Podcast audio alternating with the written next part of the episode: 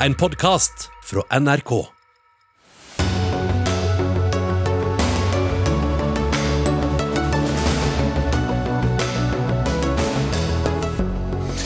Ytterfløyene på Stortinget vil ha makspris på strøm. Regjeringen sier nei. Firedobling av antall eh, publikummere til tross. Kultur-Norge møter oppmykningen fra i går med varsel om demonstrasjon. For tre måneder siden i dag gikk de stolt ut på Slottsplassen. Nå herjes Støre-regjeringen av dårlige meningsmålinger og mange vanskelige saker. Og ekstremismeforsker advarer om at 22. juli-terroristen vil utnytte at rettssaken om prøveløslatelse skal filmes. Så vi God kveld og velkommen til ukens siste Dagsnytt 18. Jeg heter eh, Espen Aas. I denne sendingen skal vi også snakke med økonomiprofessor Steinar Holden, som skal se på samfunnskostnadene av pandemien vi stadig er inne i, og også snakke om den fallerte yngste sønnen til dronning Elisabeth 2. Men vi starter med noe mange er opptatt av om dagen, ikke minst fordi det kommer strømregninger dumpende ned i e-postkasser og postkasser. I dag la iallfall regjeringen frem forslagene om utvidede strømtiltak for Stortinget.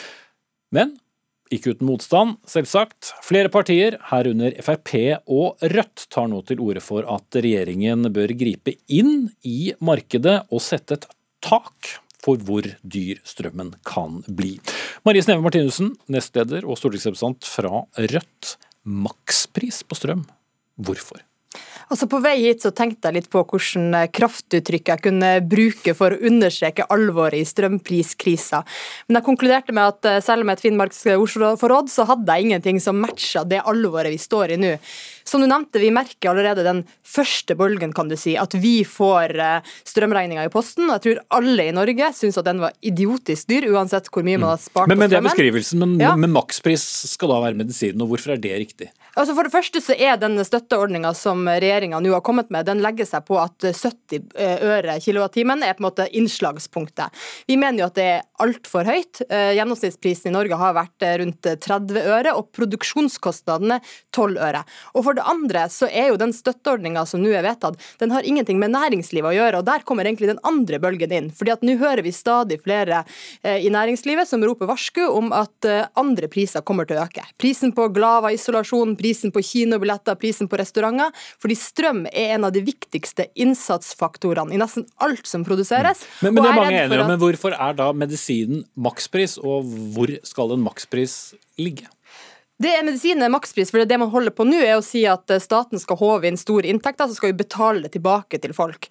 Det er en irrasjonell måte å gjøre det på, mener Rødt, fordi vi har det problemet at prisen er for høy, og det er kun markedet som har gjort at den prisen er for høy. Vi har foreslått en makspris på 35 øre, fordi det er ca. den prisen det har ligget på de siste ti årene, fordi det er tre ganger den såkalte konsesjonsprisen, og det gir også et ganske stort rom for å tjene penger på å produsere strøm, når produksjonskostnadene er 12 øre. Og vi har jo foreslått at dette skal være en regulering av markedet, og vi er jo egentlig litt kanskje sjokkert over at Eh, dagens regjering ikke villig til å vurdere det. De sier jo de vil gjerne vurdere hva som helst, støtteordninger, men å gå inn i markedet virker som en slags hellig motstand for dem å gjøre, og der er jo Rødt grunnleggende uenig. Strøm er et, eh, en samfunnskritisk ressurs. Vi er alle avhengige av det. Dere tar jo da, da direkte ut av markedet, da. Hvis det er noe med en fastpris, så har den jo ikke noe i et marked å gjøre lenger. Jo, det vil jo fortsatt omsettes på akkurat samme måte, bare med en makspris. Vi har en lov om det i Norge som sier at i et hvilket som helst marked så kan regjeringa gripe inn og sette en makspris hvis det er samfunnsmessige hensyn som tilsier det. Og det her er ikke snakk om smågodt eller biff, det her er jo snakk om strøm som vi alle trenger. Og det Rødt foreslår òg, som er til forskjell fra Frp, er jo at den maksprisen skal gjelde opp til et visst forbruksnivå, fordi det så klart det finnes mange som sløser med strøm i Norge, og de kan gjerne betale mer, men det er ikke sånn at vi eh, som bruker helt passelig mye strøm, skal måtte bære den kostnaden av at noen bruker altfor mye. Mm. Rødt har jo sin historikk når det gjelder frie markeder, men Frank Sve, stortingsrepresentant fra Fremskrittspartiet. Det er jo ikke så ofte de naturlige fiendene Fremskrittspartiet og Rødt finner sammen, men dere vil også ha makspris på strøm. Trodde dere stort sett var opptatt av frie marked? Ja, men eh, det er sånn at Folk i, i Norge vil ikke ha almis fra staten. De vil ha en fornuftig eh, strømpris, et rett nivå og en pris som folk og næringslivet kan leve med. Vi ønsker ikke å gå inn i markedet. Vi ønsker at det er staten som nå håver inn nesten 40 milliard kroner ekstra pga. de skyhøye strømprisene, og skal gi 8,9 milliard tilbake igjen. Det er jo røveri av folk flest og næringslivets lommebok. Og Da er det staten som kompenserer forbrukerne og, og næringslivet og vi går ikke inn i markedsmekanismene. Men ved en makspris så skjer det jo noe med markedet? Nei, en, vi, altså, jeg kan kalle det mye rart, men det er en, et makstak, en makspris på 50 øre, som vi har sagt. Det betyr jeg, altså Regjeringa har sagt 70 øre og 80% Lundteigen sier 70 øre, og Rødt sier 35 Men Rødt ønsker å gå inn og styre mekanismene. Det ønsker ikke vi. Staten tar inn så enorme summer ekstra.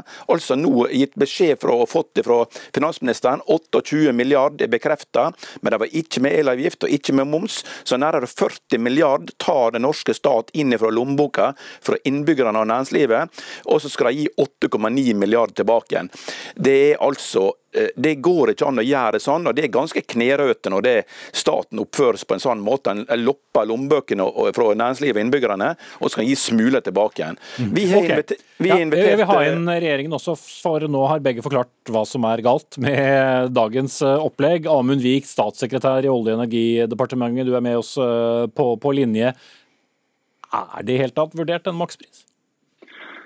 Ja, altså først så tror jeg det er viktig å si at Nå går jo regjeringen ganske kraftig inn eh, i strømmarkedet, hvor vi da kompenserer 80 av eh, regningen når prisen er over en snittpris på 70 øre. som er Det har begge de to som sitter i studio fortalt, men er det vurdert en makspris?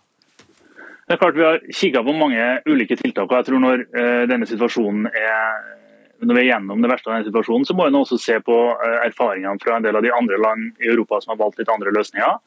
Eh, blant så har UK og Frankrike valgt en makspris. Det som skiller seg i det norske kraftsystemet fra disse landene som har varianter av det, er jo at vi eh, opererer i et vannkraftbasert system som gjør at det er ikke ubegrensa med tilgjengelig kraft i alle år. Vi vet at forskjellen på si, et, et, år med veldig mye vann i magasinene og et år med veldig lite kan være opptil 60 TWh, en tredjedel av, eh, ja, Er dette et langt nei til at dere har vurdert uh, makspris? Nei, det er, det på.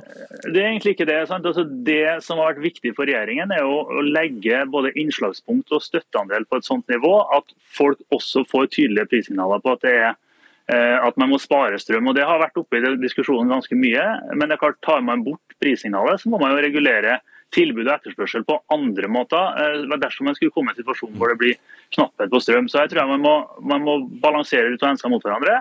Eh, men regjeringen har så, også lagt fram en ganske kraftfull ordning nå, sammen med det vi har gjort på eh, bostøtte. Ja, men, men det du sier er altså at hvis eh, vi vet at du aldri må betale mer enn så så mye for strømmen, så forsvinner altså insentivet for å spare strøm, og det er viktig?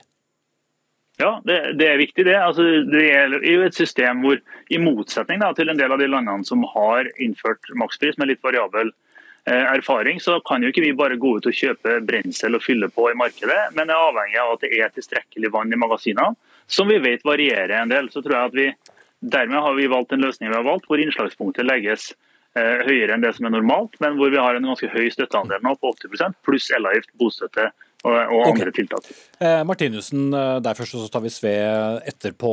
Hele poenget er jo også at vi trenger kraft. Og insentivet forsvinner da med sparing. Og ingen vil jo f.eks. bygge vindturbiner på land. Altså det som er veldig viktig å skille mellom, er at vi har ikke en kraftkrise i Norge. Vi eksporterte masse kraft i fjor, vi hadde mer enn nok. Vi har en priskrise, og det er det Rødt er opptatt av. Den priskrisa er ikke bundet i noe annet enn at vi har eh, måtte, Men er det, ikke, importert... er det ikke langt lavere vannmagasiner enn på veldig mange år? Det kan jo like så godt skyldes at uh, prisene er så høye at de, de, som eier magasinene, produserer mye nå for å unngå å produsere det til lavere strømpris senere. Men fyllingsgraden var jo lav? Ja, det er det som er poenget. Fyllingsgraden er lav fordi prisen er høy. Og når fyllingsgraden er, prisen er høy nå, så vil du heller produsere nå enn å vente til sommeren når prisen er lavere. Men hele poenget her er jo at det er en markedsmekanisme som setter prisen. Det har for så vidt eh, fungert eh, godt i Norge i ganske lang tid, men nå ser vi at med de nye kraftkablene til Europa, så importerer vi en høy og ustabil kraftpris fra Europa. Og det går utover ikke bare de fattigste i Norge, det går utover absolutt alle. Og jeg tror at det også kommer til å gå utover utover næringslivet på sikt, ikke minst industrien, som har langsiktige kontrakter, men de skal jo reforhandles. og Det er derfor jeg mener at det her alvorsgraden den er liksom så høy at du kan ikke si at prissignalet er så viktig eller markedet er så hellig at du ikke engang vil vurdere et grep som andre land har tatt, og som vi mener trengs. Okay. Men, men, til deg også, Frank Sve. Det er jo, øh, vi skal jo bruke mer og mer elektrisitet, og uten at vi skal diskutere hvert enkelt øh, poeng, så trenger vi altså mye strøm. Og hvis det ikke da er noe som ligger i, i prisen som kan få folk til å bruke mindre strøm, så må vi kanskje bygge ut for mer kraft, eller? Ja, men Problemet i dag er at vi, vi, vi trenger mer kraft, ja. Men, eh, men regjeringa forholder seg ikke til disse realitetene i forhold til dagens situasjon. Dagens situasjon, jeg var inne og så akkurat nå, det er 93 inklusiv moms strøm, strømprisen på Øst- og, og, Vestlandet og Sørlandet. Det er altså en formidabel utfordring for næringslivet og en formidabel ut, utfordring for innbyggerne. Og Det er den vi må ta fatt i. Vi i Frp har invitert alle de andre partiene, fraksjonslederne Energi, til et møte på mandag for å se på muligheten for å kunne finne en løsning, et forlik, for å gjøre noe for folk flest og næringslivet. Ordninga til regjeringa nå dekker ikke borettslag, den er ikke bedrifter. Og vi får altså tikkende inn meldinger fra bedrifter nå som er men det jeg spurte om var altså knappheten på strøm, hvis vi ikke har noen form da for prisregulering som ja, men, oppfordrer til å bruke mindre strøm, ja, men, vil det ikke men, da kreve større utbygging? Nei, men Jeg kan ikke diskutere det akkurat nå. nå Hvorfor kan man ikke diskutere det? Nei, Fordi staten tar nesten 40 milliarder ekstra inntekter pga. skyhøye strømpriser. Og så skal de gi 8,9 milliarder tilbake igjen. Ja, Den har du allerede forklart, og da pleier det å være øyeblikket hvor jeg gir ordet videre, når vi gjentar oss selv. Amund Vik Olje- og energidepartementet. Olje- og energidepartementet. Amund Vik. Ja, altså jeg tror Det som er viktig nå, er jo for det første å komme seg gjennom den umiddelbare situasjonen. Der har regjeringen nå lagt fram en omfattende støtteordning, pluss alle disse tiltakene på bostøtte, på elavgift, eh, på til studenter og til, til kommunene for sosialhjelp. Og så tror jeg at det er man kan jo på en måte ikke bare eh, late som det ikke finnes knapphet på strøm, eller at vi ikke er avhengig av eh, magasinkapasitet. Så er det sånn at det er viktig når vi er ferdig med denne situasjonen, at vi må ha to gjøre to ting. Det første er å se på hva slags erfaringer har andre land som har valgt andre modeller gjort seg. Og Det andre er at vi må bygge mer kraft. Men vi må altså komme gjennom situasjonen her på en måte som ikke varig endrer systemet slik at vi får jevnt over høye pris. men vi må også passe på at insentivene til energisparing eh, er der. Men så må vi også legge til rette for ny kraftproduksjon gjennom noe vindkraft på land der det går an med lokal støtte, havvind Eh, og andre eh, ting. Ja, Der kom havvind. Eh, kort til slutt. Det, sier du nå at vi vil gjøre noe med strømmarkedet i Norge likevel, eller vil det fortsette med dagens frie marked, også etter at denne priskrisen eller strømkrisen eller hva vi skal kalle det over? Det regjeringen har sagt i Hurdalsplattformen er jo at vi må også utrede hvordan, eh, hvordan krafteksporten påvirker norske eh, forsyningssikkerheten og kraftprisen. Vi vet jo det at vi har gått fra en situasjon hvor vi i veldig stor grad har eksportert effekt, til at bl.a. det tyske markedet har tatt ned eh, grunnlasten sin og endt opp i en situasjon med, med mye variabel kraft. Så I den situasjonen må vi jo vurdere hvor vi står, men i utgangspunktet så er jo det eneste langsiktige svaret på den utfordringen vi står i, er å bygge ut mer kraft, men også energieffektivisering, som også har et, et ganske kraftig potensial. Men skal vi okay. løse situasjoner med knapphet på energi, så er jo først og fremst hovedsvaret mer energi. Greit. Da er det notert. Eh, mye uenighet, og litt enighet eh, også. Eh, Marie Sneve Martinussen, nestleder og stortingsrepresentant for Rødt. Amund Vik, statssekretær i Olje- og energidepartementet fra Ap. Og Frank Sve, stortingsrepresentant fra Fremskrittspartiet.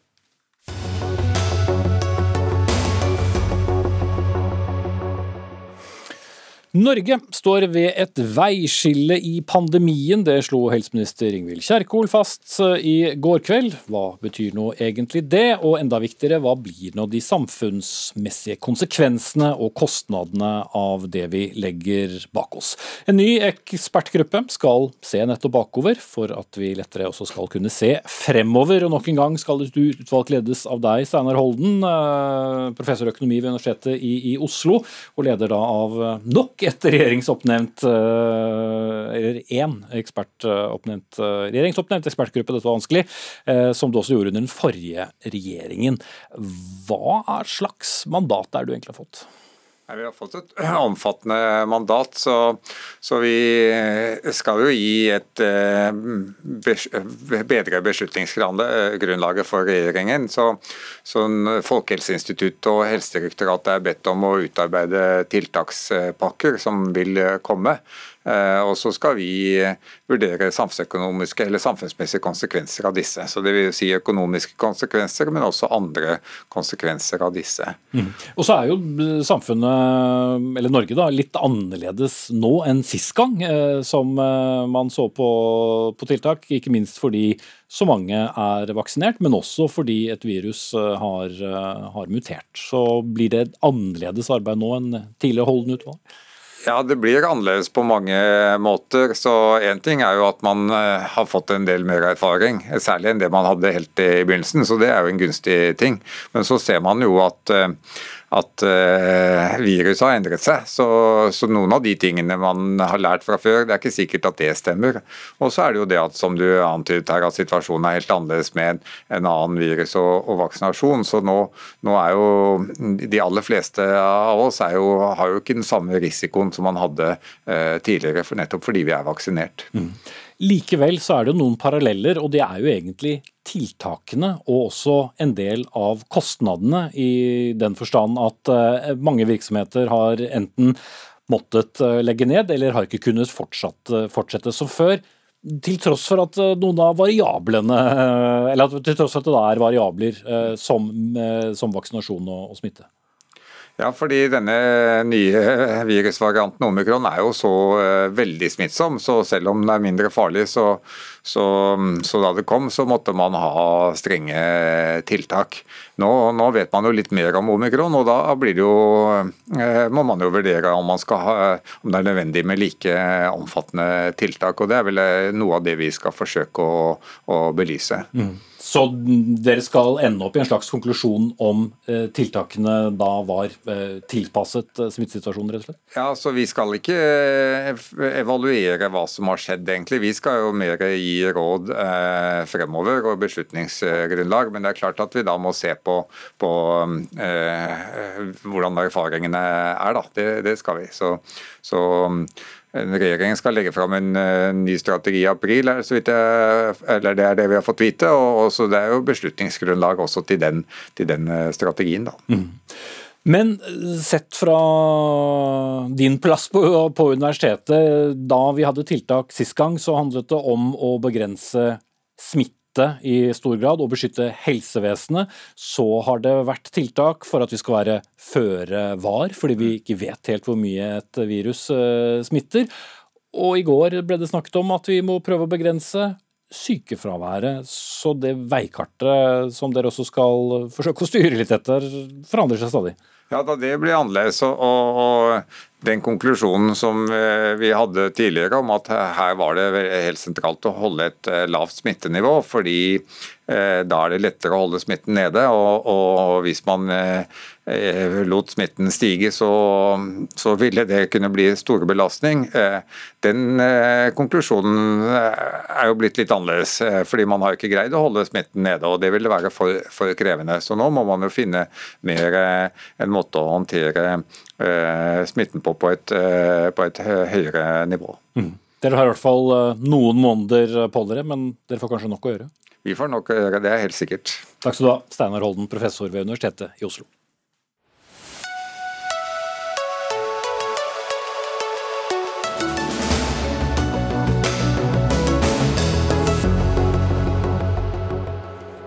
Og Apropos eh, endringer og justeringer. Reaksjonene etter de lettelsene som kom i går, de fortsetter, særlig i kulturbransjen. Hvor vel misnøyen kan sies å være ganske stor. For mange mener at uh, selv etter justeringene så er tiltakene for strenge, og bl.a. begrunnelsen på, til hvorfor man bare kan være 200 personer på anviste plasser på innendørsarrangementer er ikke så populære, eller hva Atle Halsensen, medeier og kunstnerisk leder i det som heter Scenekvelder på, på Folketeatret i, i, Oslo. For selv om det er en firedobling av antall publikummere, så er dere ikke fornøyd? Nei, men altså en firedobling fra 50 i en sal på 1402 mennesker, det er jo det, det er 200 mennesker på Folketeatret. Det er så lite at det verken uh, slår ut uh, økonomisk eller slår ut smittevernsteknisk. Det er 200 mennesker på Folketeatret. Det er rett og slett ikke liv laga slik støtteordningene er innordnet og utformet i dag. Så det hadde egentlig ikke noe poeng å utvide fra 50 til 200? Nei, for oss 50 eh, til 200 ingen, gjør ingen forskjell før eh, dette følges opp med konkrete støtteordninger, eller eventuelt at vi får klare oss sjøl, sånn som vi alltid har gjort, og som vi gleder oss til vi kan gjøre igjen. Og som vi gjorde før vi ble stengt 9.12. Eh, hva burde tallet vært, da? For det er jo veldig stor forskjell på et folketeater i Oslo, Grieghallen i Bergen og alskens andre kulturinstitusjoner rundt omkring i landet? Ja, og, og, og, det er jo det som er litt underlig, at man har gått for et tall som er 200, som virker tatt litt ut av luften, helt uavhengig av hvor stort arealet er. Altså, Vi sitter på, og vi kommer til å offentliggjøre i dag en, en, en undersøkelse som er gjort blant de største scenehusene og de største kulturarenaene. Hold, hold, litt på den, for jeg skal komme tilbake til den, men jeg skal bare henge meg litt mer opp i det 200-tallet. for Jeg skal ta inn Odin Alsten Aunan Bachmann som Boman, som er statssekretær i Kultur- og likestillingsdepartementet fra Arbeiderpartiet. Hvorfor er 200 et magisk tall, enten enten det er eh, et lite teater eller en diger eh, konserthall? Altså, Kunsten å trykke på brems og gass samtidig, det er krevende. Men jeg tror vi må eh, nyansere bildet litt om at ingen opplevde lettelser fra i går til i dag. Men det var det ingen som sa. De, Eh, ja, det var jo akkurat en debatt nå om at 200 eh, var eh, helt uvesentlig. og det er klart Vi har vært i kontakt med mange aktører i løpet av dagen i dag som har vært strålende fornøyd om at de kan starte. Så er jeg helt enig i at for de aller største lokalene så må vi gjøre bedre utregninger. Finne kloke løsninger, og det er vi i gang med og håper allerede å komme tilbake igjen til i løpet av uka som kommer. Mm. Så hvor lenge skal Halstensen og andre forholde seg til 200, da? Ja, nå har vi igangsatt en utredning for å finne eh, gode formuleringer og gode løsninger på eh, lokalets størrelse, kvadrat, eh, toalettfasiliteter, innganger. Eh, det er mange, som, mange, ting som må eh, finnes ut av i en sånn sammenheng, eh, og vi vil komme tilbake så fort som mulig. Mm. Og så det du var på vei til å si, for det, dere har da foretatt en undersøkelse. Hva, hva er undersøkt og hos hvem? Vi har eh, tatt en, en, undersøkelse hos alle de største scenehusene og kulturhusene og kulturarenaene i hele Norge, og fra Trondheim i nord og til eh, Kristiansand i sør. Vi har undersøkt 3163 arrangementer, og vi har eh, altså da tangert nesten 900 000 publikummere. Og Der viser det seg at det er ikke rapportert en eneste videre smitte på kulturarenaene. Men Hvilken periode er dette snakk om? Dette er snakk om fra mars 2020, altså ved covid-19-utbruddet første gangen, og til i dag. Mm. Men i store deler av den perioden så har det ikke vært så mange publikummere heller? Men vi har hatt, eh, på Folketeatret hadde vi 100 000 eh, publikummere inne i 2021. Ikke et eneste videre smittetilfelle. Så det er klart at, at, det har absolutt vært eh, store publikumsgrupper inne, også mens smittesporene drev og sporet. slik at Det er ikke slik at vi ikke har hatt folk på teatrene. Men vi har jo hatt støtteordninger som gjør at vi kunne ha færre mennesker inne. Og det er jo det som er interessant her, at man må gjerne utgreie størrelsen og fasilitetene. Men hva gjør vi i mellomtiden? Hva gjør vi akkurat i dag? Dag. Fordi at For det første så opplever vi at forholdsmessigheten er eh, under enhver kritikk. Eh, vi, vi, forstår ikke hvor det tallet kommer ifra. og, og Espen Nakstad prøvde å forsvare det på, på TV 2-nyhetene tidligere, i dag med å vise til smitte, altså til massesmittehendelser eh, innendørs. Vi finner ikke de noe steder, og, og, vi etterlyser de tallene. og Vi lurer kanskje Odin har, sitter på de tallene. Vi får de i alle fall ikke. Det er det ene. og Det andre er at støtteordningene ikke er rettighetsstyrt. og Dermed så er vi jo i limbo limbo, altså i prinsippet yrkesforbud. Mm. Bomma.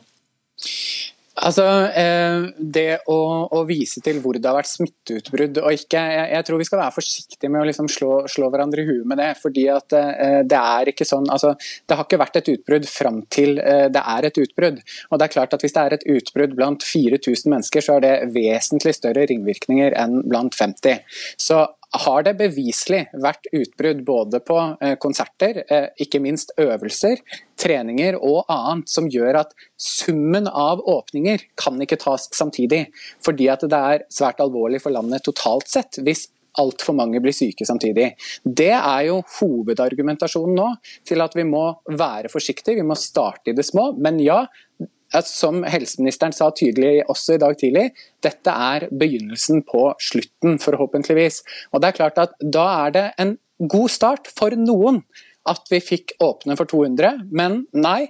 Ikke for de aller største arenaene, og det håper vi å komme tilbake igjen til så fort som mulig. og senest mm. Så dette løpet av en uke. 200-tallet som ingen ser helt ut til å forstå hvor, hvor kommer fra, det, det, er, det, det sier du nå er under evaluering? Ja, vi håper å komme tilbake igjen til eh, en, en, en, en, en redegjørelse om eh, lokalets størrelse, toalettfasiliteter, innganger, Ok. eh, for å sikre at de store arenaene kan ta imot flere. Hva gjør vi i mellomtiden da, Odin? Fordi Støtteordningen er jo ikke klar. Eh, Kompensasjonen er på høring, den er rammestyrt. Eh, eh, Stimuleringsordningen åpner ikke før 27. januar, og der, i dag fikk vi opplyst at det er fire ukers saksbehandlingstid. Det vil si at første gang vi kan spille på Folketeatret er 24. februar. Hva gjør vi i mellomtiden da? Ja, altså, nå er det jo sånn at Vi skal lage ordninger som skal hjelpe kultursektoren eh, gjennom denne kneika. og eh, Det er jo kort tid siden vi to blant annet, deltok på et møte nettopp med privatteaterne i fokus.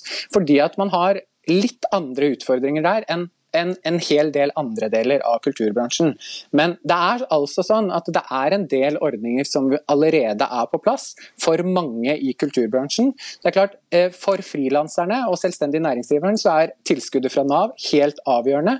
Underleverandører og arrangører, som dere selv, er jo eh, eh, viktig for eh, kompensasjonsordningen som vi er i gang med. Der har vi allerede lagt inn mange forslag for å gjøre den vesentlig bedre. Det er ikke akkurat sånn at denne regjeringa kom til dekka bord når vi eh, overtok den kompensasjonsordninga som var.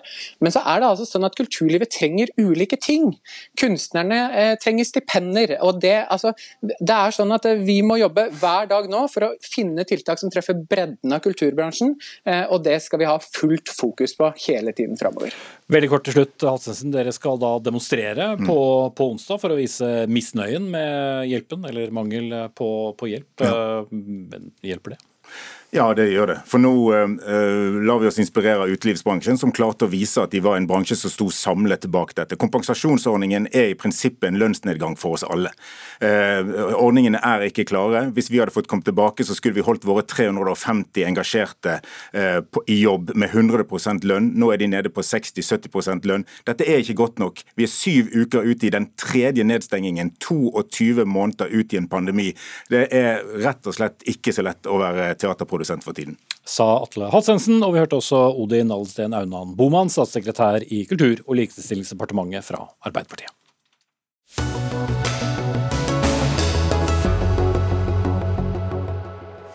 Han var dronningens yndling, nå er han ikke lenger engang en kongelig høyhet. Senere i sendingen snakker vi om den fallerte prins Andrew, eller skal vi si Andrewen, tidligere kjent som Hans kongelige høyhet prins. Men nå til eh, regjeringen. For eh, nøyaktig tre måneder siden, 16. oktober 2021, gikk 19 rød-grønne statsråder ut på Slottsplassen.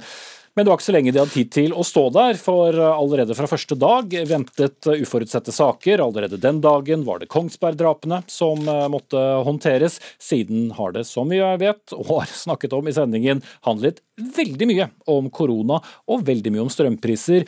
Ja, og en sentralbanksjefansettelse som ennå ikke er over. Velgernes belønning på en rekke meningsmålinger den siste tiden har vært eh, tommel ned. Tone Sofie Aglen, politisk kommentator i VG.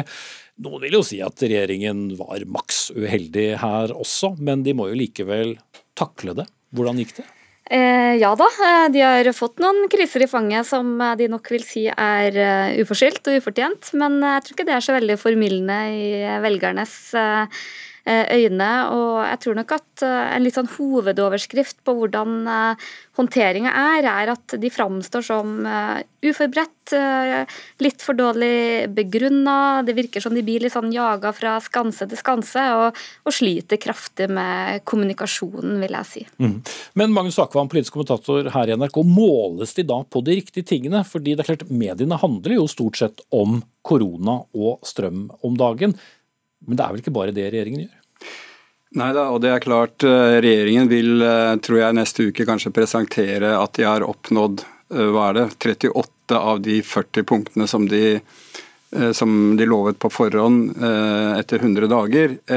Men her er poenget at disse to krisene disse to store samfunnskrisene de rammer folk direkte og med en gang. Og de svakeste aller mest, både økonomisk og sosialt. Mens de politiske prosjektene som denne regjeringen, i likhet med alle andre, eh, bygger opp fra starten, er mer byggeklosser, sakte, men sikkert, som man eh, på en måte må vente lenge med å se effekten av. Så jeg tror ikke det at de gir 300-400 kroner i skattelette eller 300 kroner billigere eh, barnehageplass, slår ut når disse krisene så voldsomt, eh, slår så voldsomt inn. Så Derfor får de denne, denne dimensjonen. Mm. Og, og Aglen, eh, de har jo da sine prosjekter som, som Takvam eh, viser til her, men så er det jo de store sakene som det blir mye oppmerksomhet på. Og så er det en mindretallsregjering og trenger et flertall, og så ender jo da gjerne disse sakene med noe helt annet enn det de akkurat har forsvart. Det går vel heller ikke så hjem hos, hos velgerne. De får en følelse av at regjeringen må, må dras til løsningsbordet. Ja, det er jo det vi har eh, sett i sak etter sak, både i pandemihåndteringa, vi så det veldig godt i, i, strømstøtte, hvor man bare har eh, stadig mer kommet opp med mer eh, penger på bordet. Vi har også sett det både i budsjett, lønnsstøtte, i sak etter sak. og det man framstår ikke som man har kontroll. Og så må det jo sies da at eh, det er jo sant som Magnus Takam sier, at det gjør jo at du får jo veldig lite oppmerksomhet om de sakene du i en normaltilstand kanskje ville fått mye oppmerksomhet rundt. Det gjøres helt sikkert mye skjult eh, arbeid rundt omkring. Og så er man jo også i den situasjonen at man har en særdeles aktiv opposisjon. De blir, Både til høyre og til venstre. Ja, de blir pressa fra absolutt alle kanter. Jeg vil si Den avgåtte regjeringa var veldig kjapp til å skifte ham. og jeg ser i hvert fall for Høyre nå, Når det er en så aktiv opposisjon, så kan nesten de bare liksom lene seg litt tilbake og være den voksne i rommet. og Det gjør det nok ikke enklere heller å være en ny regjering. Ja, Hvis vi spoler tilbake, mange saker, så var jo dette heller aldri planen til Jonas Gahr Støre at han skulle lede en mindretallsregjering og få en stor opposisjon til venstre og en enda større opposisjon eh, til høyre. Var det der det begynte å knakke?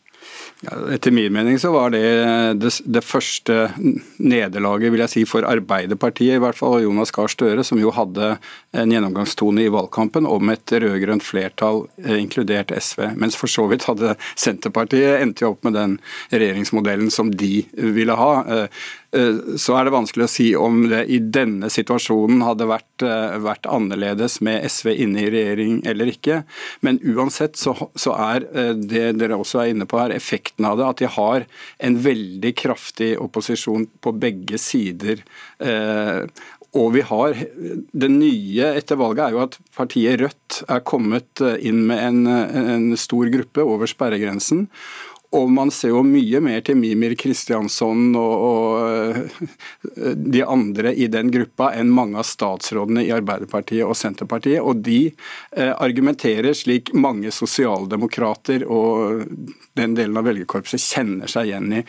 Og som dere sier, så har jo også Høyre nå eh, blitt ganske aggressive i opposisjon, og de er også plutselig blitt eh, sosialpolitisk på venstresiden. De foreslår jo at eh, folk med arbeidsavklaringspenger skal få en ekstra tusenlapp osv. Så, videre. så ja, de, de, de er i en veldig krevende kontekst på den måten også. Så var det altså 19 statsråder som gikk ut på, på, den plassen, men det er ikke så mange vi har rukket å se, Tone Sofie Aglen? Nei, og jeg tror nok at Eh, med det nyhetsbildet vi har nå, så er man fiskeriminister, så skal vel kanskje være glad du ikke har veldig mye medieoppmerksomhet eh, akkurat nå. Men jeg tror nok at Eh, du skal være en ganske ivrig lytter av det her programmet for å ha fått med deg eh, alle statsrådene. Eh, jeg kan avsløre at alle har ikke rukket å være her ennå engang i løpet av de tre månedene. Nei, så det er nok ganske mange som jeg tror i en normaltilstand vi ville sett, f.eks. samferdselsministeren, forsvarsministeren, bistand og fiskeri er jo sånn typiske ministre som, som er ganske usynlige, men det er nok veldig åpenbart nå at de fleste er veldig har liksom ikke fått satt merket sitt ennå. Så er det noen som har fått en veldig dårlig start, og så noen som jeg vil si har fått en god start. Takk for. Ja, og jeg tror noe av eh, effekten eller eh, det som har skjedd, er jo det rollebyttet, tror jeg. Det gjelder særlig, etter min mening, Senterpartiet. Fra å, å være motoren i, i, opposisjon og være det partiet som dro velgere over eh, streken, og på en måte indirekte da bidro sikret valgseier for, for, for Jonas Gahr Støre. Det rollebyttet, både Trygve Slagsvold Vedum som på en måte mange så på han som en nærmest populistisk opposisjonsleder, til inn i Finansdepartementet, fungerer etter min mening ikke, har ikke funnet sin rolle der. Så jeg tror også det er en god del av forklaringen på at Senterpartiet, da, isolert sett, har mistet så mange. De hadde veldig mange proteststemmer, og mange av de, har nå forsvunnet tilbake til både Rødt og, og Frp f.eks. Som protesterer. Eh, tiden går fort. Du kommer fra en eh, terningtrillende AIs. Eh, du skal slippe å trille terning, men hvis du skal trekke fram noen statsråder som likevel har klart å, å vise seg eh, på en god måte? Nei, Jeg vil jo si at et par av de som ble omtalt som stjerneskudd i Arbeiderpartiet, både kunnskapsminister uh, Tonje Brenna og næringsminister Jan Christian Vestre, vil jeg si har fått en god start. Uh, Brenna har blitt mer prøvd, blitt mer utfordra, mens Vestre har vel handla mye om, om, form og gjort et godt førsteinntrykk. Så tror jeg av de litt mer erfarne vil jeg si at både nei, klimaminister Espen Barth Eide og arbeidsminister Hadia Tajik viser jo at de er kunnskapsrike, har et prosjekt, mens de som virkelig sliter, er de statsrådene som håndterer de store krisene. Mm. Superkort til slutt, Magnus Hakam, sjefen selv, Jonas Gahr Støre. Hvordan klarer han dette? Så han, eh, jeg vil si at han eh, er en som er vant til å stå i storm. Han har kanskje ikke, nærmest ikke gjort noe annet siden han ble partileder, for å, for å si det sånn. Så jeg opplever nok at han, han, eh, selv om han også har uh, måttet forklare seg om uh, mange problemsaker, uh, har kommet ut og, og kjøre noen ganger, så, så, så har han en stayerevne som, som på en måte imponerer med det kjøret han har. Så jeg føler at, at det, det ikke er han som er årsaken til, til svikten. Takk skal du ha, Magnus Takvam og Ton Sofie Aglen fra NRK og VG.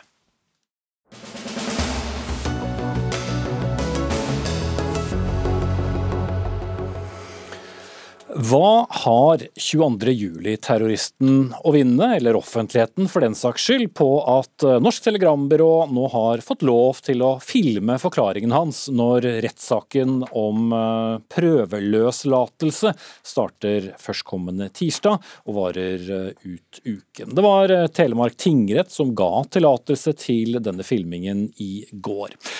Lisbeth Rønneland, du er leder for den nasjonale støttegruppen etter 22.07. Mistet selv din datter Synne under angrepet i, i 2011. Du er her både som pårørende og representant for de pårørende. Hvordan forbereder man seg til det som nå kommer, og som eh, man også kan komme til å se når man slår på TV eller uh, åpner mm. nettsider? Det er jo veldig vanskelig for mange. Eh, hele saken er vanskelig, og fokuset på terroristen spesielt Eh, det vi har gjort eh, i støttegruppa, er at vi har laget et skriv eh, som vi har sendt ut til de berørte og lagt ut på nettsidene våre, som forteller litt konkret om hva som egentlig kommer til å foregå i rettssalen.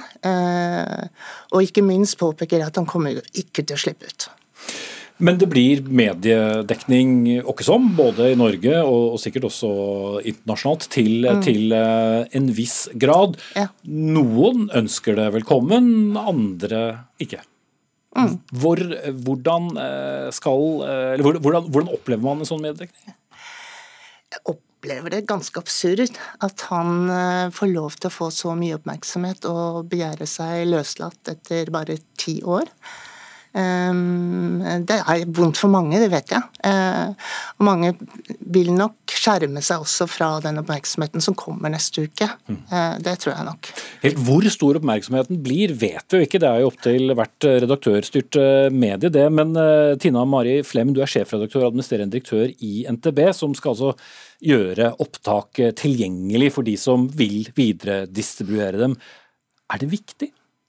Ja, det er jo eh, enormt viktig. Sånn som for NTB sin del med, så, så, eh, så, Det er stor interesse for det, men det er jo, det er jo interessant både journalistisk og dokumentarisk for uh, framtida, for de som kommer etter oss. Og NTB sin rolle som, som nyhetsbyrå også, det er å dokumentere nyheter før ettertida. og dekke det når det skjer. Så, og Det merker vi jo på interessen også, den er veldig stor. Men eh, kritikere vil jo si at det er en fare for at eh, dere gir terroristen en, en, en talerstol, eh, og gir ham den oppmerksomheten som han er så veldig opptatt av å få. Ja, og så Den risikoen ligger jo der alltid, selvfølgelig. Men mitt, mitt, inntrykk er generelt sett ut til media. Nå er jo vi i NTB en, en leverandør av innhold ut. Så etisk sett så vil jo, de, vil jo det bli vurdert ikke bare av NTB inni der, men også de som mottar det som vi leverer. Men det var dere som søkte om å få filme? Ja. Og, vi den, og det, det, ser vi på som historisk veldig viktig. Og så er inntrykket mitt at det, Eh, det er utrolig stor bevissthet hvordan dette innholdet skal formidles. Og Rundt om i alle redaksjoner nå sitter han og diskuterer eh, hvordan han skal gjøre det på best mulig måte. Og Vi har også for ringt rundt, og det er litt forskjellige svar vi får, og mange har eh, løpende vurderinger. Men Katrine Torleifsson, du er forsker ved Senter for ekstremismeforskning ved Universitetet i Oslo, med på linje, så dere får ta dere hodetelefonene her i studio. Du er blant dem som tenker at det kanskje ikke er så lurt at terroristens forklaring skal filmes. Hvorfor ikke? Nei, Vi vet at eh, terrorister generelt de søker jo bred publisitet og oppmerksomhet for å spre sitt uh, høyreekstreme budskap. og De er helt avhengig av den mediedekningen. Og Da er det ekstra viktig at de ulike redaksjonene viser stor varsomhet til hvordan de eventuelt skal bruke bilder. Og det vi vet fra tidligere er at da terrorister sender ideologiske hilsener, og i en sånn digital tidsalder som vi er nå, så er det veldig mange bilder som kommer til å bli brukt og kopiert og imitert og videresirkulert i høyreekstreme forum på internett. Mm.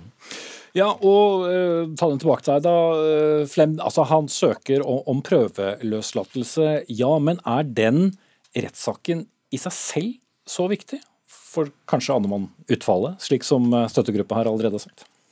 Ja, den er jo historisk veldig viktig. og Det er jo ikke det at folk er interessert i den, er, er, det, det, forstår vi. Og så uh, vil, jo, vil, jo, hver enkelt redaksjon he, he jo, Vi har jo uh, dekket den saka der over lang, lang tid, helt tilbake i tid. og vi er jo uh, vi er jo veldig observante på hvordan vi skal Men du ser at det kan komme negative konsekvenser av det?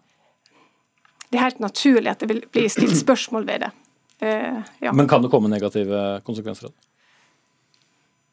Nei Det er naturlig at det blir stilt spørsmål ved det. ja. Mm. Torleifsson. Det vi har sett både fra 10. august, 22. juli og også på Christchurch tidligere terrorhendelser, er at eh, disse rettssakene blir brukt som en plattform til å fremme høyreekstreme budskap.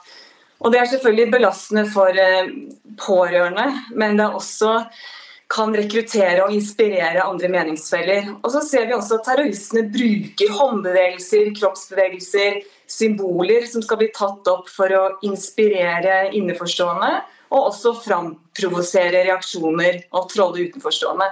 Så det er klart at det er en ny medievirkelighet nå, slik at redaksjoner kan gjøre sine vurderinger og ha høy etisk bevissthet. Men så ser vi også at det samme materialet i sanntid kan bli videreformidlet på plattformer som forbigår sensur og forbigår disse redaksjonelle vurderingene. Mm. Og det har ikke dere kontroll på frem? Eh, nei, det har vi ikke. Eh, det, det, er en risiko uansett hva sak det er, så, så vil den risikoen ligge der. Mm. Men likevel så er det eh, historisk viktig å dekke det. Harald Stanghelle, lang fartstid i norsk presse, sist som politisk redaktør i Aftenposten frem til 2014. Du er kommentator der i dag. Men du mener jo at rettssaken som sådan er ikke så viktig? Nei, den er ikke viktig i den forstand at det er noe usikkerhet om utfallet.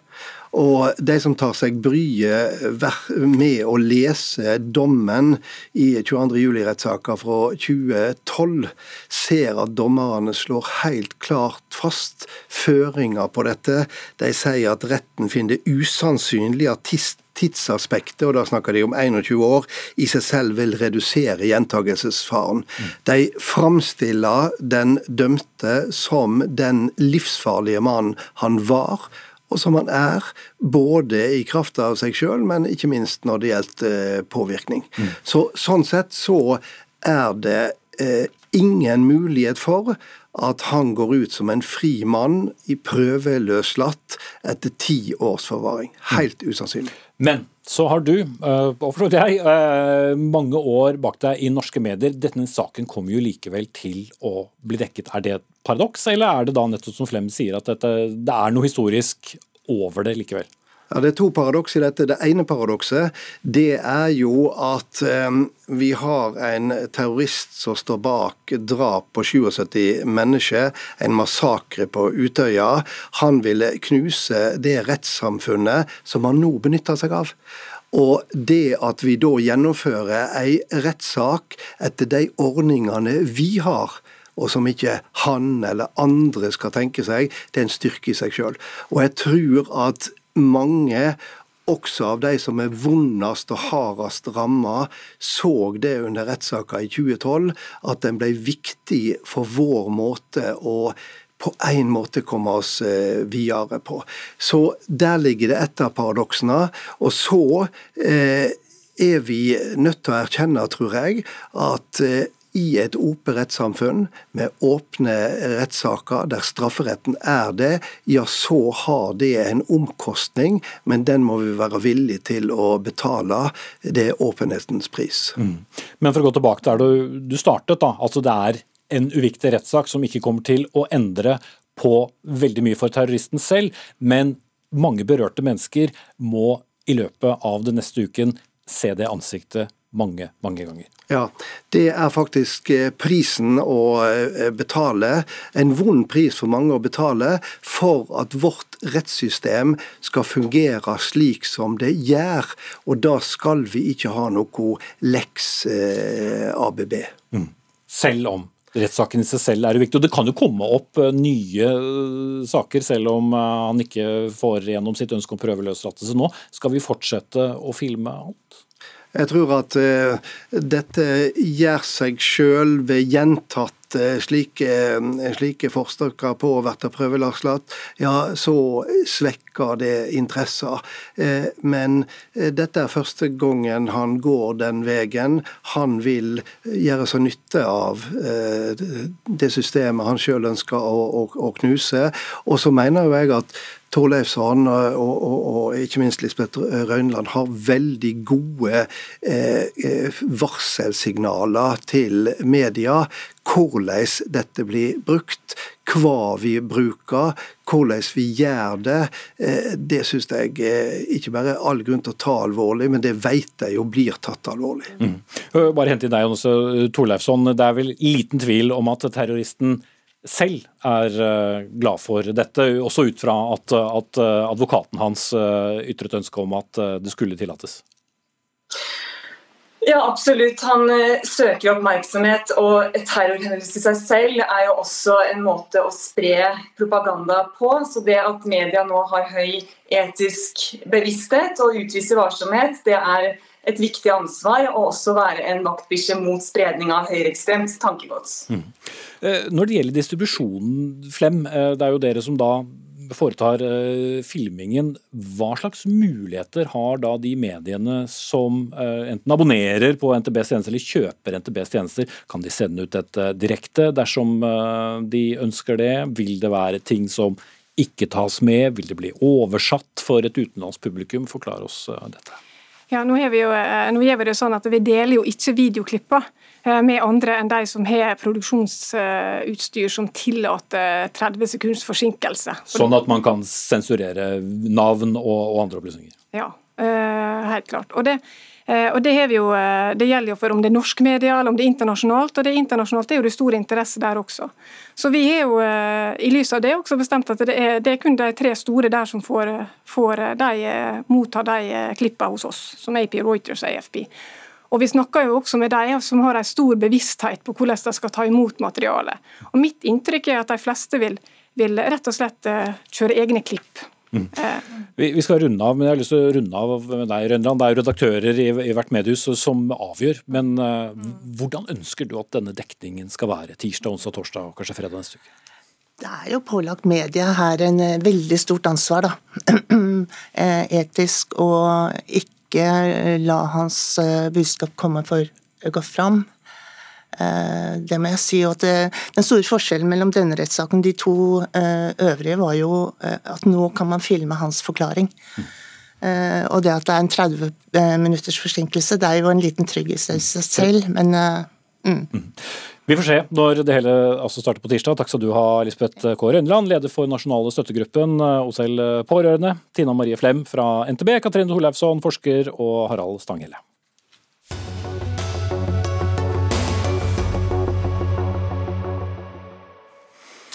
I går eh, var han Hans kongelige høyhet prins Andrew. I dag er han bare prins Andrew.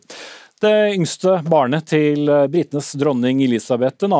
har nå enten mistet eller sagt fra seg de aller fleste titler og plikter.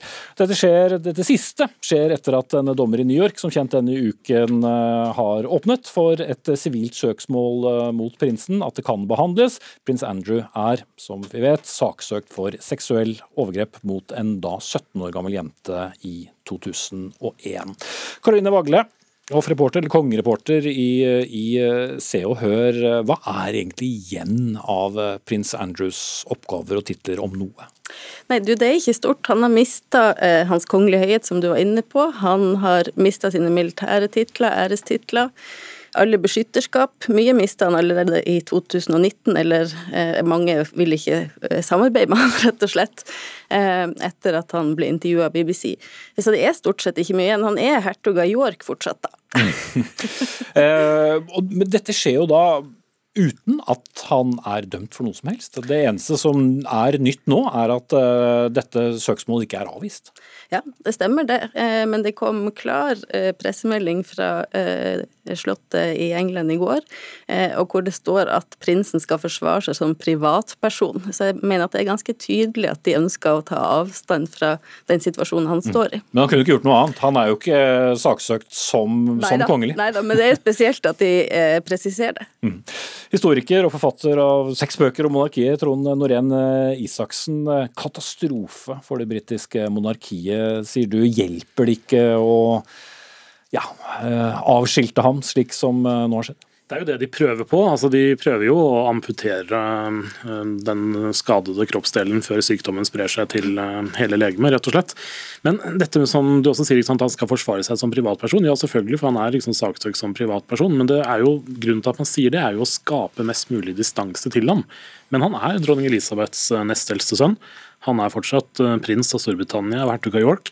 Så uansett så vil jo det som skjer, reflektere negativt på det britiske monarkiet. Men det er vel derfor man liksom da prøver alt man kan for liksom å prøve å late som at ok, vi har egentlig ingenting med denne mannen å gjøre. Som jo er litt uh, vanskelig gjennomførbart i praksis. Du er jo historiker. Det at eh, en prins har havnet der, og ikke fra hvilken som helst familie heller, det er ganske unikt. Ja, det er det. Det er sjelden at uh, kongelige møter i retten. Og jeg tenker at på en skala fra én til ti, nå er ikke jeg veldig begeistret for å overdrive, men i dette tilfellet så tenker jeg at dette er en tier. Fordi at det å bli beskyldt for seksuelle overgrep mot en mindreårig, det er jo omtrent uh, det groveste noen kan bli anklaget for. Um, så det finnes rett og slett ingen upside til dette, og det er også veldig vanskelig å se at dette kan løse seg på en god måte for det britiske kongehuset. I et år hvor også dronning Elisabeth skal, skal feire 70 år på tronen, påtroppende kulturkommentator her i NRK, Inger Merete Hobbelstad, og forfatter av bok om, om dronning Elisabeth 2. Det er jo en storebror som også gjør seg klar til å overta. Hvordan eh, har han opptrådt oppi det hele? Altså, det er grunn nå til å tro at mange av de store avgjørelser som tas på Buckingham Palace, tas av prins Charles. Altså, her har det vært en prosess over mange år der stadig mer eh, makt har blitt overført til eh, dronningens eldste sønn. Eh, og jeg vil tro at dette kommer like mye fra ham som fra dronningen, selv om hun selvfølgelig også må være om bord og godkjenne og, og, og akseptere alt, eh, alt dette. Eh, og her ligger det faktisk en spenning mellom de to brødrene som har vart i mange år. For du kan tenke deg at prins Charles han har lenge ønsket å slanke eh, kongefamilien. For han så at det begynte å bli fryktelig mange av disse kongelige høyhetene. Det var mange med eh, politibeskyttelse. Det toget liksom 35-40 personer ut på eh, Slottsbalkongen hver gang det var en anledning. Og dette ville svekke monarkiet på sikt. Det at det offentlig understøttet så mange mennesker, der det ikke var så mange som var fulltidsarbeidende som kongelige. Eh, dette jobbet prins Andrew veldig iherdig mot. Han har jo to døtre som også er eh, kongelige høyheter, og som han ønsket skulle beholde denne tittelen. Men så smalt altså denne skandalen, og da var de selvfølgelig ute av soga i det hele tatt. Så du kan si at på en måte har det ligget i kortene allerede at den delen av familien kommer til å bli eh, skjøvet litt ut på avstand, og dette var helt klart prins Charles' initiativ. Men nå er det da en rot som er kappet over så, så grundig som de kan få det til, og, og det er nok storebror som har sørget for dette også. Mm. Så historien gjentar seg litt, de kongelige pliktene foran familiebåndene? Helt klart. Og du kan si at Det ble jo nevnt her i sted at han er ennå ikke dømt for noe. og du kan jo også si at eh, Det har jo ikke bevist på noe vis at han var klar over at det var snakk om en trafficking-ring, dette. Selv om prins Andrew har gjort en forferdelig dårlig figur eh, i sine små forsøk på å, å, forsvare seg, og på ingen måte fremstått som, som særlig troverdig. Eh, men han har også ved tidligere anledninger utvist særs dårlig dømmekraft når det gjelder sin rolle som kongelig. Da han var britisk handelsrepresentant, så festet han med sønner av diktatorer og lot seg fly hit og dit på litt sånn shady privatfly. Eh, og du kan si at her skjer det et slags kontraktsbrudd. Eh, fordi de kongelige de må huske det. De er ikke berømte på den måten som andre berømte mennesker er berømte. De er ikke rike på samme måten som andre rike mennesker er rike. Dette har de fått som en slags tillitserklæring fordi de er født inn i en bestemt familie.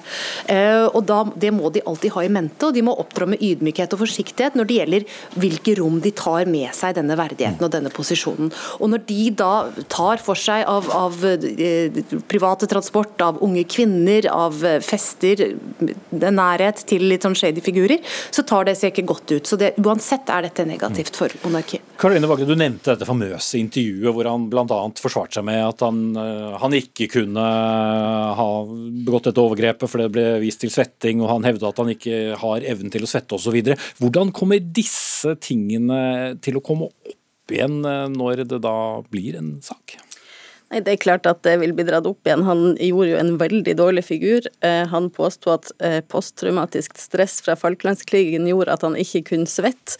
Eh, det er jo ønskelig bevist fra andreparten han, har, eh, han var rett og slett veldig lite ydmyk, vist lite forståelse for uh, ofrene til Epstein, uh, og vist veldig dårlig dømmekraft. Så jeg tenker at det vil bli dratt med videre i prosessen når rettssaken kommer opp. Det kommer jo rett og slett til å bli et heftig år for han som gjør veldig dårlig for eh, dronning Elisabeth å sette en skygge over det som skulle ha vært et festår for henne med 70 år på tronen. Mm. Eh, det er ingen tvil om at eh, det som skal være yndlingssønnen, kommer til å ødelegge det. Mm. Ja, 70 år på tronen i seg selv er jo, er jo, en historieskriving, men eh, så kommer dette opp i det. Vi aner jo ikke hvordan dronning Elisabeth uh, har det. Men en ekstremt vanskelig hva skal vi si, vei inn i solnedgangen for eh, henne som, som, monark. Både med, med, prins Andrew, og, og, så har vi jo da barnebarnet prins Harry, som også har distansert seg fra kongefamilien. Ja, og samtidig med at denne rettssaken foregår, den skal jo begynne mellom september og desember, så har jo prins Harry lovet å slippe sin frittalende selvbiografi denne høsten. Så dette er jo overhodet ikke noen grunn til at dronning Elisabeth skal gå og glede seg til, eh, til høsten 2020. Men det er jo så, som Inger Merete sa, så, vi har nå kommet til det punktet hvor også prins Charles er en veldig aktiv deltaker i det britiske monarkiet. The Times rapporterer jo også i dag at denne beslutningen er tatt av dronning Elisabeth, prins Charles og prins William i fellesskap. Og Det er jo selvfølgelig også et tegn på liksom at man nå har kommet til det punktet hvor man faktisk må begynne også å involvere de som har dette problemet å hanskes med når hun ikke er der lenger. Mm. Og, og Hobbelstad, dronningen, er jo, eller har i hvert fall opparbeidet seg eh, en stor popularitet gjennom eh, de siste årene. Vil hun og hennes popularitet bli eh, påvirket i noen grad av alt dette som da kommer til å handle om hennes yngste sønn? Eh, nå har han nest yngste sønnen, da. hun har jo, ja. har jo, fire barn. Eh, altså, hun holdt jo litt lenger fast ved prins Andrew enn hva mange mente var tilrådelig. Lenge etter at disse anklagene var kjent, så ble de fotografert i, sammen i en bil. og Dette er sånn typisk sånn eh, kongelig kodespråk for at vi står sammen og holder sammen og sånn. Eh, men jeg har vanskelig for å se for meg at folket vil straffe henne veldig hardt for at hun i det lengste forsøkte å holde fast ved, ved et av barna sine. Eh, det jeg tenker er mer usikkert, det er om prins Charles, som allerede strever med med, med sin posisjon og sin popularitet, vil klare å holde skuta på rett kjøl når han da skal bli konge etter hvert med dette og andre saker eh, hengende eh, i kjølvannet. Takk skal Men, du ha, Inger Merete Holstad, påtroppende kulturkommentator i NRK, Trond Norén Isaksen, historiker og forfatter, og Karoline Vagle fra Se og Hør. Gro Arnberg var ansvarlig for innholdet i denne sendingen. Lisbeth Sellereite det tekniske. Jeg heter Espen Aas. Vi ønsker god helg.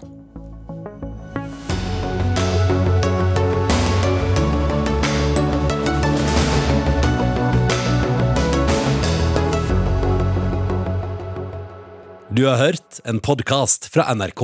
Hør flere podkaster og din favorittkanal i appen NRK Radio.